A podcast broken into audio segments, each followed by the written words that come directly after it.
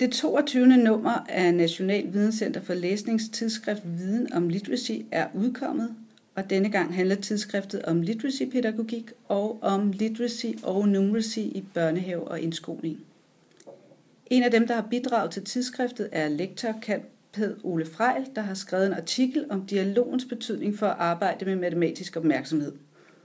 Artiklen tager afsæt i projektet Tidlig Literacy og Tidlig Numeracy på Frederiksberg, og her har Ole Frejl fungeret som konsulent på numeracy-delen. Og øh, Ole Frejl, allerførst vil jeg spørge, hvad betyder egentlig numeracy?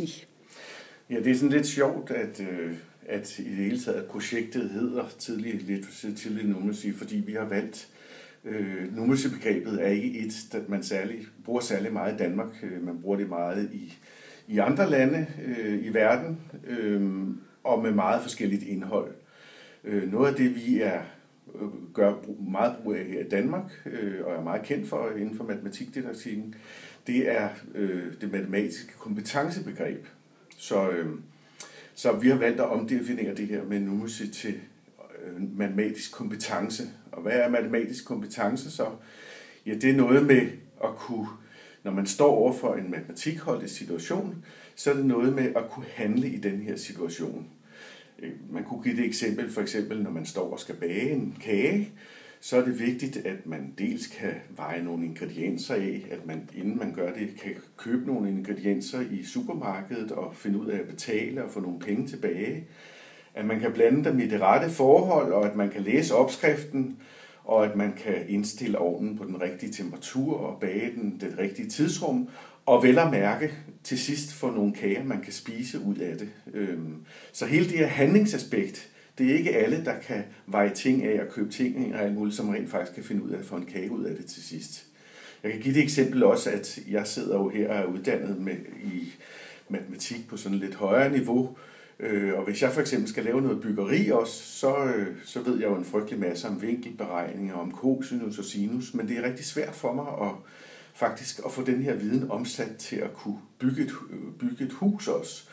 Øh, og det hele taget sådan byggeri. Og der kender jeg der flere, som kan meget mindre matematik end mig, men faktisk øh, kan få, få det matematik, de kan, omsat til, til et hus i praksis.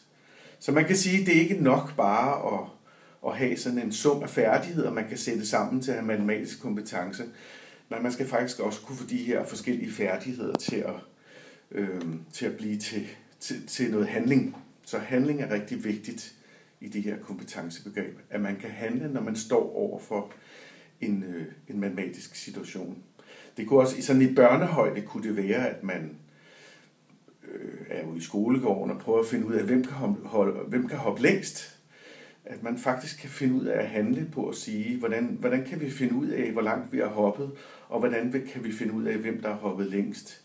Ja, det kunne man gøre på mange forskellige måder. Man kunne tage nogle sugerør øh, og lægge ud øh, efter hinanden, og der er det vigtigt det her, når, der, hvis man kan handle i sin situation her, så ved man også, at sugerørene skal være lige lange, for eksempel, ellers så giver det ikke mening at tale om, hvem der har hoppet længst og at de skal ligge tæt sammen. Øh, det nytter ikke noget sådan at lægge dem med 4 cm afstand, fordi så er det faktisk umuligt til, til sidst at sige, hvem der har hoppet længst. Så børn, der kan handle i nogle situationer, hvor de for eksempel skal se, hvem der har hoppet længst, der vil vi sige, at de har matematisk kompetence, fordi de kan handle i den her matematik holdige situation. Og noget af det, som øh, du i din artikel skriver om, er rigtig vigtigt i forhold til den her matematiske kompetence, det er, at man taler sammen i matematiktimerne. Ja. Øh, hvorfor er det vigtigt?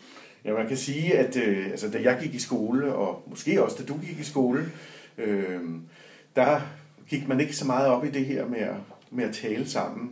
Det er noget, man er begyndt på senere hen, øh, fordi man har erkendt, at øh, en måde at komme til at forstå på, og en måde at gribe ud efter et begreb på, det er simpelthen ved at tale sammen med, med andre om det her begreb. Øh, så vi kommunikerer af forskellige grunde. Øh, en grund er selvfølgelig, at det er vigtigt, selve kommunikationen faktisk at kunne kommunikere omkring noget, at det er vigtigt. Øhm, men det er også vigtigt at kommunikere for at komme til at forstå. Øhm, I min artikel skriver jeg omkring noget arbejde, en 0. klasse har, med, hvor de arbejder med lige og ulige tal Og der er den her samtale om, hvad er lige og ulige tal. Øh, de kalder dem så ikke ulige tal. Det er måske også en del af det her samtale, at man kommunikerer med, de, med det sprog, man nu har. De kalder dem skæve tal. Øhm, der snakker de om det her med for eksempel, at lige og ulige tal, de kommer først som et ulige tal 1, og så kommer der et lige tal, og så kommer der et ulige tal, og sådan bliver det ved.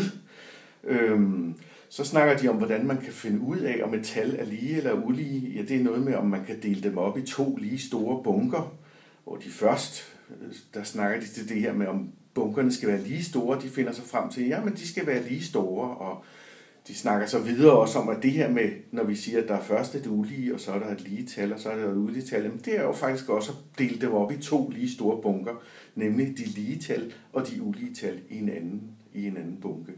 Så det her med at tale sammen er, øh, omkring matematik er rigtig vigtigt for, at eleverne kommer til at forstå matematikken. Og det kan man så gøre på forskellige måder. Noget af det, forskningen tyder på, det er, at det er vigtigt både at forvente sine egne forståelser af et begreb, for eksempel lige eller ulige tal, øh, og fortælle dem dem. Men det er faktisk også vigtigt at tale om sin egen forståelse af et begreb, og holde det op imod andres forståelse af et begreb, for eksempel omkring lige eller ulige tal. Det er en måde at, at komme til at, at forstå sin egen forståelse af begrebet, og prøve at sætte sig ind i andres, andres måde at tænke på omkring det her begreb. Så det er simpelthen helt centralt for at komme til at forstå noget. Øh, det er at, at tale sammen. Det kunne også være omkring at lægge tal sammen, for eksempel, at man, når man skal lægge øh, 5 og 7 sammen, at nogen gør det ved at sige, så siger jeg bare 5 plus 5, og så lægger jeg 2 til, og at nogen tæller på fingrene frem for 5, der tæller de 7 frem. Men at man faktisk også godt kunne sige, start med at have 7, og så lægge 5 til, hvor nogle børn siger, må man bare bytte rundt på dem. Øh, det er en måde at komme til at forstå det og lægge sammen på ved at holde det op imod andres forståelser af det. Så det er altså rigtig vigtigt at tale sammen, og, og læreren ligesom medvirker til at skabe den her dialog i, i matematiktimerne eller i, i, i 0. klasse, hvor man har den her matematik, arbejder med matematisk opmærksomhed. Men hvilke matematiske problemstillinger kan man sige er særlig gode at tale om? Ja, man kan sige, at det første, man sådan kommer til at tænke på, det er jo selvfølgelig meget banalt, det er, at der skal være noget at tale om og det er det, jeg i artiklen kalder, at man skal være god til at lytte med sit matematiske øre. Altså at man skal kunne se en problemstilling og lytte med, med sit matematiske øre og se, er der faktisk mulighed for at tale om den her problemstilling. Øhm, så, så det er det vigtigste, at der faktisk er noget at tale om. Og for at der skal være noget at tale om, ja, så skal man også stille spørgsmål, som gør, at der bliver noget at tale om. Så en god problemstilling kan godt blive til en dårlig problemstilling, hvis man stiller de forkerte spørgsmål. Altså, det her med at addere 5 plus 7, det kan blive en rigtig god problemstilling, hvis man for eksempel spørger, øh, hvordan gør du, og hvordan lægger du 5 plus 7 sammen, og at minder de to måder om hinanden, eller er der noget, der er forskelligt? Men hvis man bare spørger, hvad 5 plus 7 er, ja, så er der jo sådan set kun svaret 12 tilbage, og så bliver det der før var en god problemstilling, det bliver til en ikke særlig spændende problemstilling, og det bliver til, at børnene sidder og svarer med øh, talsvar, eller rød, eller øh, korte svar hele tiden. Ikke? Så det er i hvert fald vigtigt, at der er noget at tale om.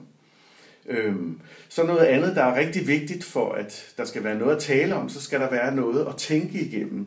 Så det er også vigtigt, øh, og det er også derfor, når vi nu snakker om, om kompetencer før, vi har noget, der hedder repræsentationskompetence.